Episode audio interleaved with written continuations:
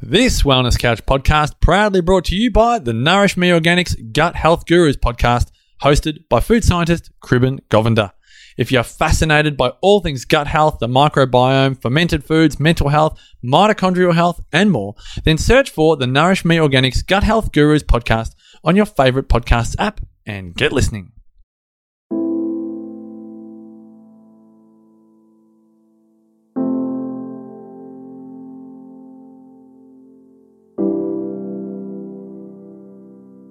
Welcome to Nourishing the Mother, where inspired women talk about the journey of motherhood through the common thread of parenting, relationship, and sexuality as a path to consciousness.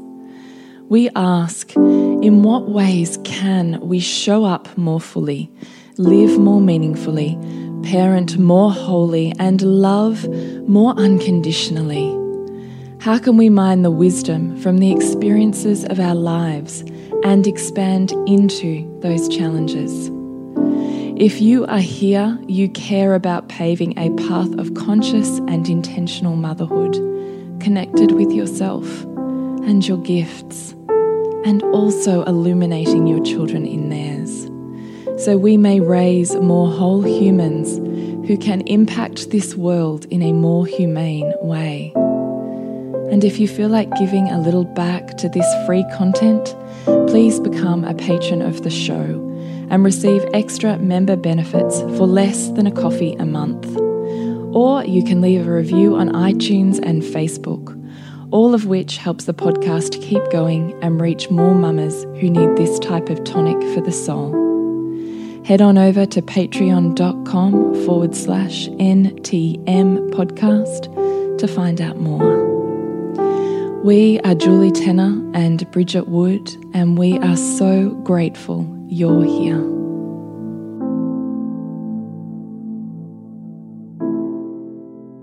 Hello and welcome to Nourishing the Mother. I'm Bridget Wood. And I'm Julie Tenner. And today's podcast is Parenting the Way I Want versus Reality.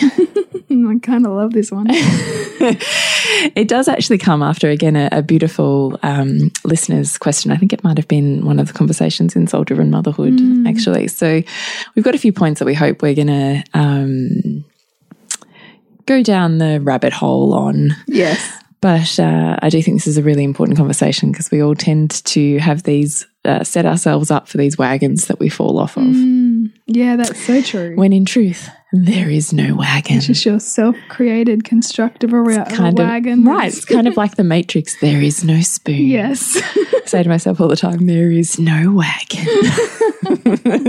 Except the one you've fantastically created in your yeah, mind. the one you think you see. Yeah, yeah. that's right. That seems solid. Yeah. So before we do that, I'd love to remind you to jump onto nourishingthemother.com.au, scroll on down to the red banner and sign up to join our tribe. And once every three weeks or so, we'll shoot you out an email that has links to everything we've put out in the world. So you can pick and choose where you'd love to dive deeper. So mm. come join our tribe and get a little more nourishment during your week at nourishingthemother.com.au. Mm. So this comment or email goes. So, I think I've mentioned I have a number of fears when thinking about adding a third child into the family dynamics. One of them is how the fuck am I going to find the spaciousness to be present, listen to feelings, hold space, etc., with another in the mix? Mm. I have struggled already with this having a second. Parenting the way I want to versus reality are not always aligned, and a third terrifies me that this would be exacerbated. Mm. Well, this is funny because it's kind of like the conversations that you were having throughout your entire third pregnancy. It pretty much was. so, what do you say to your younger well, it self? was the it was the how can I hold it all? Yeah, how can I do it all? How can I hold it all? Yeah. And I think part of that was recognizing that I don't have to hold it all. And and that was why don't you have to? Because it's not my job and that What is your job? to be the meest of me I can be.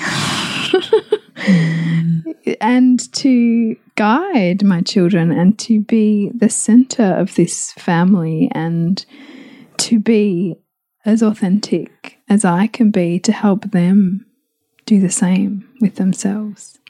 to know that I don't have to fix everything, to know that I don't have to, you know, control feelings or funnel feelings or give an appropriate outlet to certain things that that to trust that where I can't meet them someone else will or they'll come up when they need to the mm. feelings that are there and they do and I'm seeing it now and mm. my children are experts I'm already seeing it at waiting until I have the time for them to show me and I meet it and sometimes I don't and that's okay too.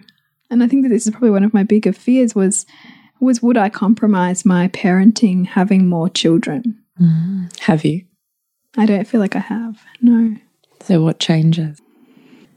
I think a lot of it has also been seeing seeing all the ways in which my husband and I don't know how much of this is because I've set the tone for how we parent in our family, like you know, for the values that that I really seek to cultivate in our family and whether he's picked up on that over the past six years. But like he, he picks up in ways or steps up in ways that I don't always have the capacity for. And that has been enormously freeing. I think where I thought that I needed to be a certain way or do a certain thing, that even where I can't or don't have the space mm. to, someone steps in. Mm. And and also recognizing that in in the times in which I might, you know, that someone else doesn't kind of do things the way that I would, knowing that my children are benefiting from that in some way too, as Can opposed you, to yeah, spell that out a little bit. Yeah, more. so I think that we get the the nature of the construct of the reality that we each project out into our world means that we design that reality based on our own set of values. So we have, you know, these values that we hold true that of the way the world should be, we should be, our children should be, our partners should be. Notice all the shoulds, right? So they're a big projection out around us of how things should be. But they're as a result of what we feel is missing or what we feel is is right. And so, what that looks like for everybody is different based on their own sense of what's missing. So, if you had a challenging childhood or you feel like you weren't, you were abandoned or you didn't receive the guidance or the love that you should have received, then you will cast out into your own family what what all the things that weren't there for you how they need to be there for your children so that your children have a better experience or a more mm. fulfilling or loving experience than what you than what you had. Mm. And so our children will get that from us because we have that value, and we will think that they're not getting love from the people around us if we're expecting that love to look the same way as we've designed it to look based on our values. But the truth is that our children are being loved all of the time, but the love looks different based on who's giving it because it's being given through the lens of that person's values. So, the way my husband might love our children would be to spend hours with my son organizing his football cards, or he'll spend ages playing kick to kick, or he'll take my daughter out to buy craft supplies. You know, he'll do these active things of spending time with my children, whereas I might spend ages listening to tears or um, helping them work through feelings. And so, if I said that love looked like my way, I wouldn't appreciate his way and I'd think it was less. Mm. But actually, our children are benefiting beautifully from the difference in the way we express our love and the difference in the way we express our consciousness with them. Mm. And so recognizing and settling into that, I think has been enormously freeing as as the demands on us as parents have grown with more children. And also seeing how my children deliciously support and challenge each other. You know, that they can be so magnificently connected and playful and just I hear some of the stuff that comes out of their mouth and I think it's so amazing. And then they have other times where they are really, you know, like nasty to each other. And I can see that that's also helping them grow, you know, even if it some of the words that they use and some of the tones that they use I find uncomfortable. I, I really try to stretch into that to see what they're learning from that. And and where it hits mm. hits edges of pain for me, I kind of like mental check it and know that that might be a place to come back to with them if I keep seeing a pattern in it or, or whatever. So I think that there's a a relaxedness that that has to come, I think, when you have more children, but that can be enormously freeing when you realize that you don't have to be the person that does all the things and that and that you're still enormously influential when you do step in or when you do have that kind of governance over over what's going on. That was kind of really long-winded, but I thought it was beautiful. oh, thanks. I'm kind of thinking, what, what was the original question here? What was I originally talking about? Better stop. So, They shouldn't. That's probably exactly where you need to be. they're coming back to the original question, set of questions in here. mm-hmm.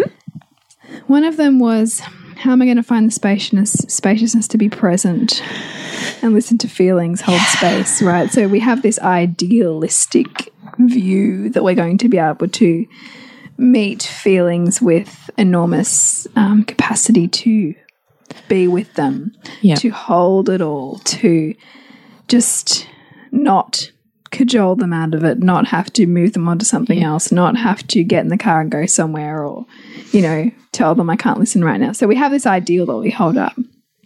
So immediately that ideal is challenged when you think about more kids in the mix.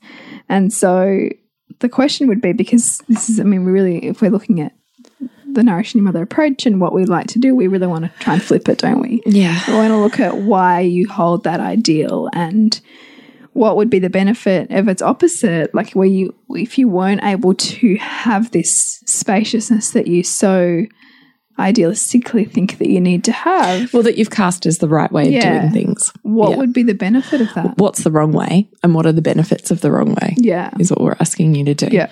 And the point of doing that is because if we are so attached to one way of being that we are polarized. So, you know, you can look at it as attachment or non attachment. You can look at it as polarization or equilibrium. So when you're really polarized and attached to one way being right, there's a certain amount of pride, self righteousness, and identity, um, defendedness that's wrapped up in that mix. So it's not in and of itself a truth. It's just kind of the packaging that the initial hurt and pain is wrapped in. And so what happens is we're going to consciously, uh, sorry, un, well, potentially consciously, but unconsciously get sideswiped by those polarizations because what you want run from, you'll run into. As a way of, you know, lesson with the feather, brick, or sledgehammer, the universe will always offer you opportunities to balance that because you can't run as a human so um, polarized and emotionally driven on one right way of being. It's quite mm. highly charged and ultimately exhausting. Mm. So at some point you will come crashing into its opposite.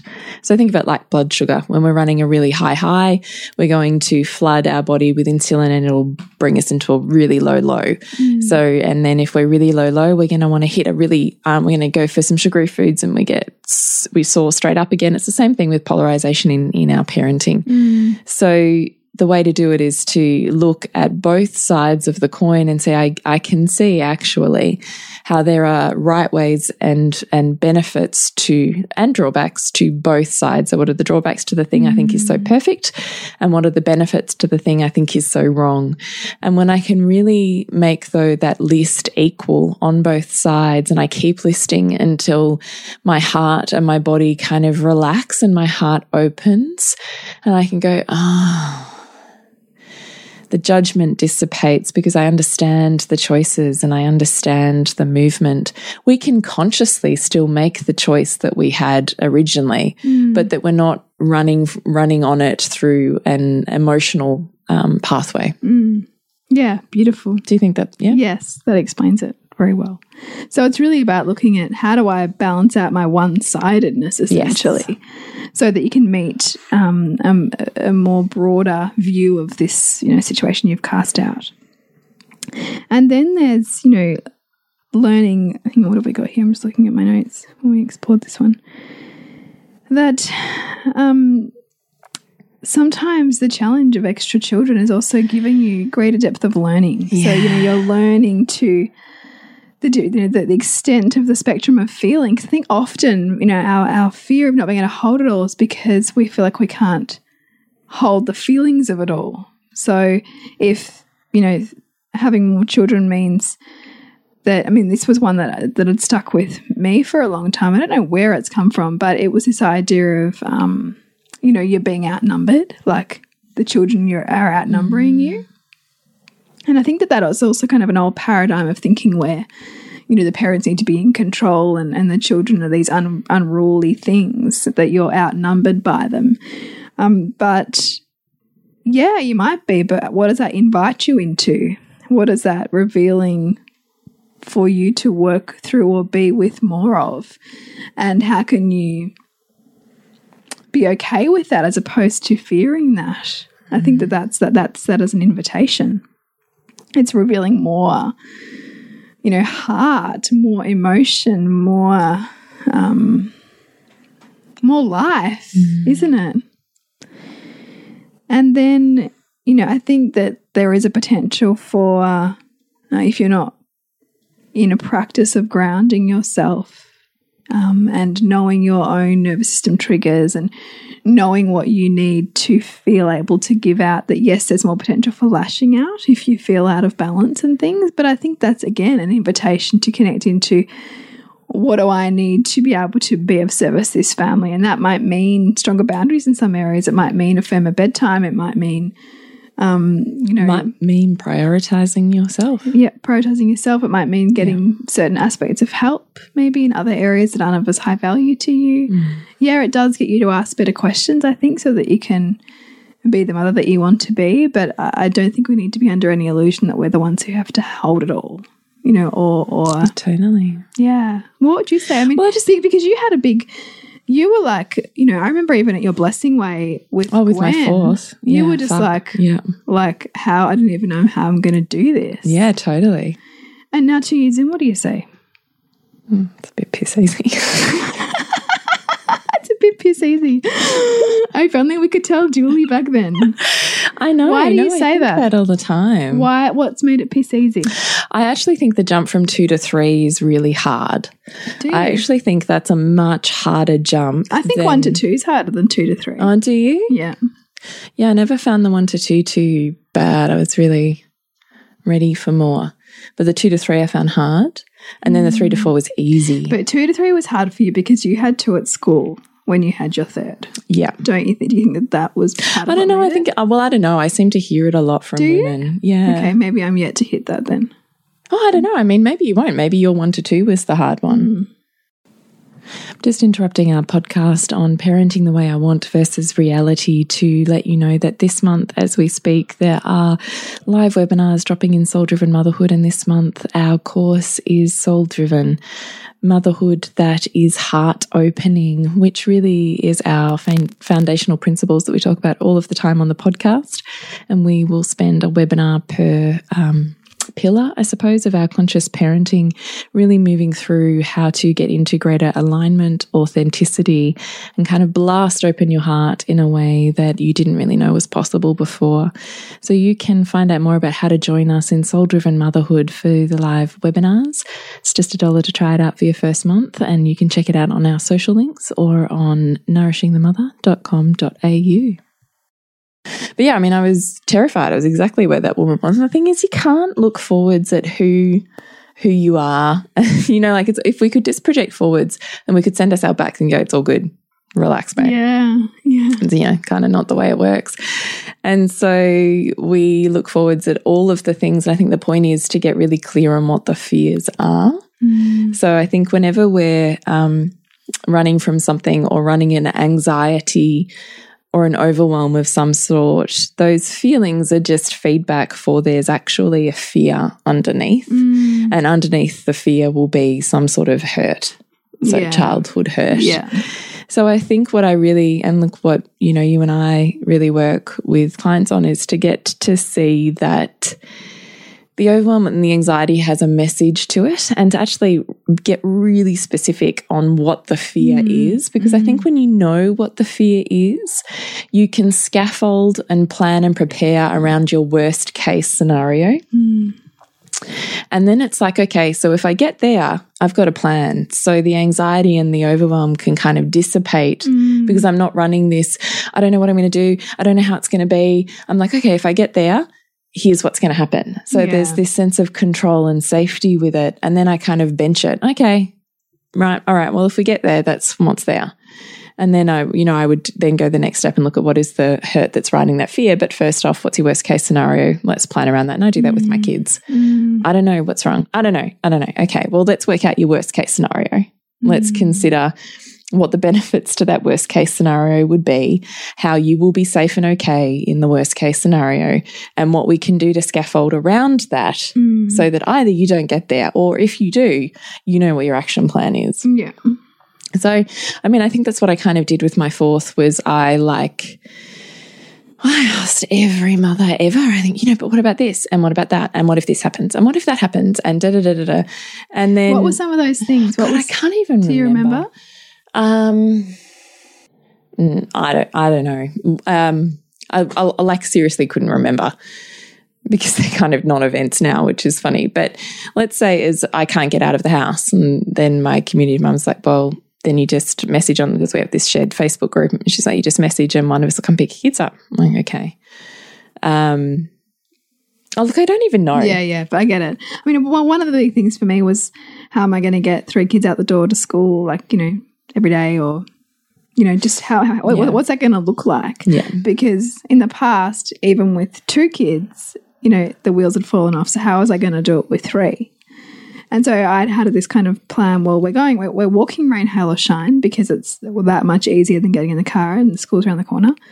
And then it was okay. Well, I know what all my triggers are for losing my shit, so let's work back from that and ensure that I have, you know, at seven forty-five this has happened, at eight o'clock this has happened, at eight fifteen this has happened, and at eight thirty we're walking out the door, and I still have room if there's a three-year-old meltdown, if there's someone's forgotten something, you know, I have all of these things in place, and in fact, so I'm like so it gives you space. well, I'm more calm now with the three kids going to school than I was pregnant with the, taking the two. Mm. Because I'd, You didn't have the scaffolding. yeah, that's right. And, you know, yes, Pearl might be crying as we're walking out the door, or she might need a feed halfway or, or on the way back. So we just deal with it, you know. So it's, I guess it's that, that thing like this is a simple example, but take that and apply that to whatever else is, is the roadblock, I suppose, in that. Yeah, as opposed to worrying about it, how can I action plan around it? Yeah. And give myself breathing room. Yeah. That's yeah, it. totally. Um, so back on this question, parenting the way I want versus reality. Mm.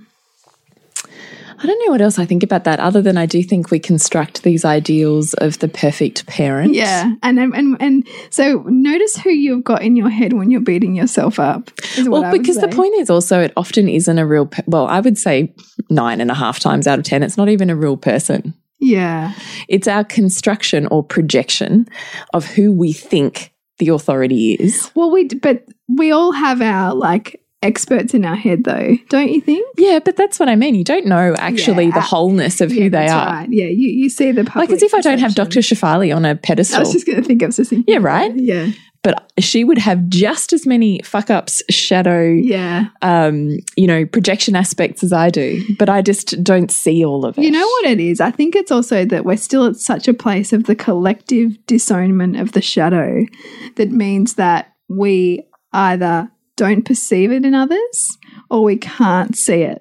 You know what I mean? So, Mm. because we're still so uncomfortable with our shadow, we create this perfect person persona to try and make us strive for this. For the unobtainable as a way to further and further distance ourselves from the parts of ourselves we can't face. Yeah, I really agree with that. So, and this is like everyone, right? Until we meet those parts and kind of gently poke around them and and make more of them okay. And, and I think we, I think that you know the Dr. Shefalis and, and any other expert that we hold up, they'll, they'll they're grappling with it too, mm. right? How do I sell myself and be the example in the world at the same time as be my whole self, mm. which they're still discovering as I, as is everybody. So I think that being aware of this part of ourselves that we that we try to cast out is actually the part of ourselves that when we can welcome aspects of it in teaches us the most. Mm. And I do think it's also a conscious act of, I actually really love what you say often, Bridget, which is that everybody, every expert is an expert based on their own wounds. Yeah, yeah. I know it's, it's such a good reminder. It's such a good reminder. So it's not that this is the gold standard of parenting. This is based on this person's childhood wounds, voids, values, and family dynamic playing out. This is their wisdom and golden standard. Yeah. And don't and I wouldn't discount for a second that they're not enormously knowledgeable, but every piece of knowledge that they have set out to acquire, that they're currently retaining, that they're currently teaching is perfectly designed as a fulfillment of what they feel is most of what their inner child is still feeling is most missing, Most and most needed in the mm-hmm. world. And that everyone and that almost their soothing of themselves is their soothing of the world that needs this, which is actually only a reflection of what they in themselves were needing, and that that's their service to the world, which beautifully attracts So everybody beautiful. else with the same wound. Yeah, but it's more just a way of I like that just to equilibrate Yes. someone is just to understand Yeah. Mm-hmm. a little bit deeper, I suppose. Um, and I also think that we often borrow segments of several experts slash friends or family, and then we piece them together in this one jumbled mix that we have in our brains as the, The the, perfect. mother. So a little bit of that, a little bit of that. a it's a bit of that. recipe, yeah. Yeah. And then when you say, but do all of those things exist in one human that you know? and the answer is no, I can Mm. see that I've pulled this from her and that from her and that from her and that from her. And then I've decided that's I have to be all of those things. And Mm. all of the time. all- yeah. yeah, which is the truth is no one is. No. No one is because we are human and Mm. we are having a human experience. And a large part of that is knowing, you know, where we close and how to open and knowing the healing pathways and the pain that takes us there. And, you know, it's, it's a constant expansion and contraction of our soul through the experience of our human hearts. Mm. Don't you think? Yes. Yeah, I do. It's a beautiful way to say it. So I just think we have this. Sometimes we do ourselves such a disservice, in the self flagellation and mother guilt and shame spirals are not so much, w- is, okay, whoa, too much happened in my head at once then, is, you know, that happens often Yeah, yeah. is that if we were more comfortable, as you said, with our shadow aspects and we mm. were able to equilibrate what the need is underneath and how to integrate those pieces of us rather than kind of shutting them in the basement, then they kind of, you know, come out to play when we're um, Most triggered or most resourceless. or- resourceless. Yeah, definitely. And then they wreak havoc. They're kind of like the gremlins that they grow because we've shut them in the dark, as opposed to a practice where we learn what those pieces of us are and the light that they come with and how to welcome them as an expression that flows through us in a really healthy way and brings us those benefits rather than Yeah. I'm going to shut you away until I can't hold those balls under the water anymore and one will come flying out in my face. Mm. Um, I lost my train of thought there. So, shadow. What was I saying? Parenting on a pedestal. Was that what I was I saying? can't even remember, but I was really enjoying your um, analogies and Well, because that's what I feel like it is. Um, hang on. Let me let me get my head back the in the recipe of the perfect person. So that was a little bit. Yeah, the recipe of the perfect person. Which we wouldn't have to run from ourselves so much if we were doing. Oh God, I can't remember. I don't know, but I really love that listeners just. I got lost in I got lost in my analogies. and I've lost my point. um, I guess what I'm trying to say is that self-flagellation really comes from not owning the pieces of us and wanting to run from them. Mm. And then at the same time, shooting on ourselves that we're supposed to be this way. And then when we fall short of that, we've already set ourselves up to fall short of it. Yeah. And then when we fall short of it, we end up on this self flagellation spiral, which often comes because we've been really self righteous and defensive about the way it should be done because we're so in pain from the shadow parts that we're trying to we're trying hide in the from. basement. So the more self righteous and full of pride and, you know, striving for pe- perfection that I am, the less I'm those things. And then Mm. I fall off the wagon that I've already set myself up on because it doesn't have solid legs, No, you know? I'd never had solid legs. I never had solid legs. So I remind myself all of the time as a daily practice that there is no wagon. Mm. And instead of falling off a wagon, I could just remove the wagon. There's nothing to fall off of. Mm. That, as you say all the time, Bridge, our whole purpose is to just be as you as you can be, knowing that that practice is the epicenter of your family and their authenticity and connection. Mm. So, as opposed to you trying to fit yourself and squeeze into some suit that you think you're supposed to be, all they ever wanted was you mm. as authentic and as least defended as you can be and as mm. open hearted, which is we're only able to release open our heart when we're not defending its place. Mm. So, I think parenting the way I want versus reality. Sometimes we're going to fall pretty short of the mark that that we hold the you know standard that we hold ourselves to, and I think that's a humbling experience. I often ask myself, where have I been setting myself up for this? Where have I been running my stories or running from my stories?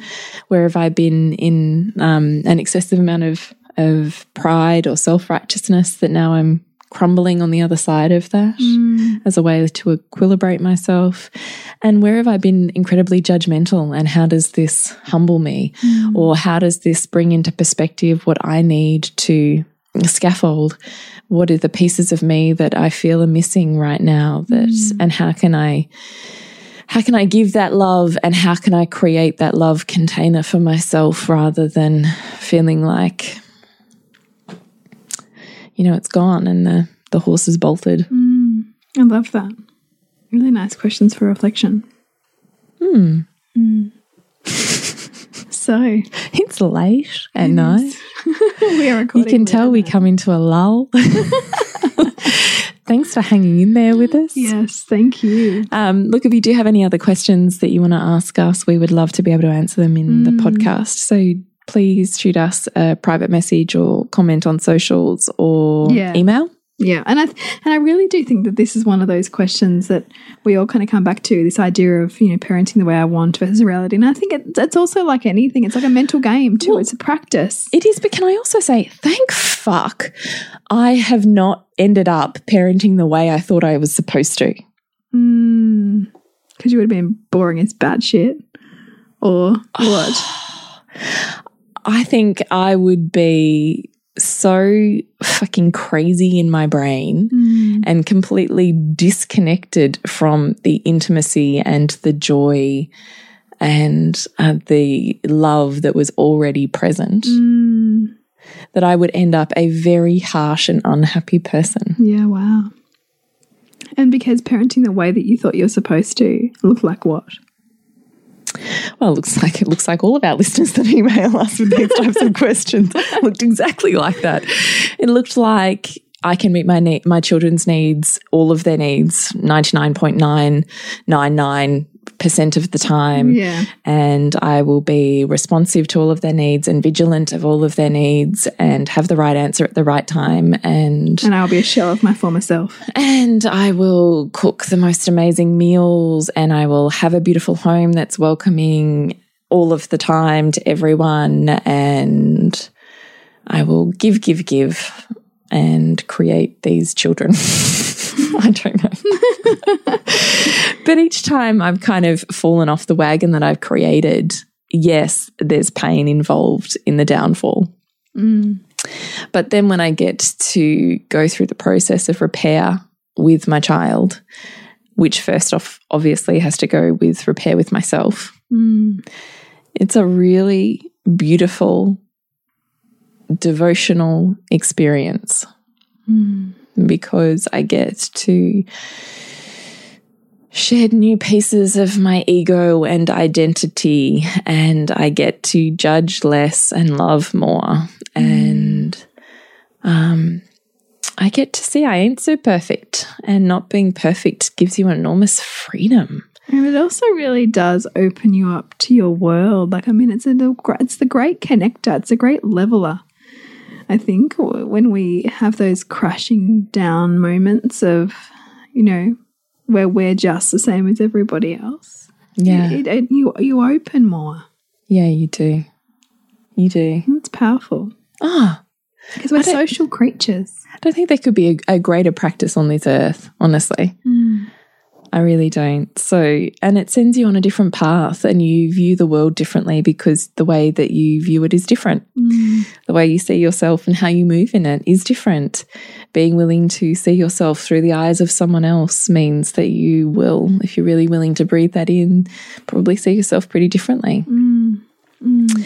So, I feel like I'm really grateful that I have learned the lessons that I have learned because I'm really happy and feel super aligned and light in a way that I never did with my first two. Mm. You know, because I was trying to do the art of parenting to the letter, mm. the way that I thought it was supposed to be done. And I was removing my own sense of self worth and self validation and personal genius in that process, mm. Yeah, it's a good one too. which is what we all do, I think, when we're doing that. Mm. Yeah, we somehow think that who we are is not enough. Yeah. When in fact it was all our children ever wanted. Yeah. Hmm. That's right. They chose us for a reason. Mm. That's true. So to connect with you, Bridge, Suburbansandcastles.com and you, Jules. is thepleasurenutritionist.com. Remember to nourish the woman to rock the family. And we'll see you next week when we continue to peel back the layers on your mothering journey. And if you want to support Nourishing the Mother and all the late nights, the early mornings, the blood, sweat, and tears we pour into our art, then please go to patreon.com forward slash NTM podcast and become our patron. As a patron, you're helping all of the cost of operating this podcast, the hosting, the editing, the transcription, helping all of that be completely covered, and joining a community who are all about honouring our journeys and continuing to open. The more support we have, the longer we can last.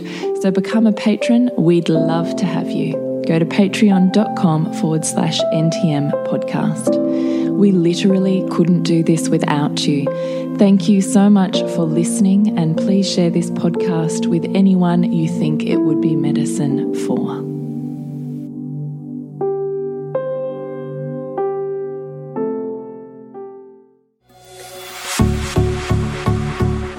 This has been a production of TheWellnessCouch.com. Check us out on Facebook and join in the conversation on Facebook.com forward slash The Wellness Couch.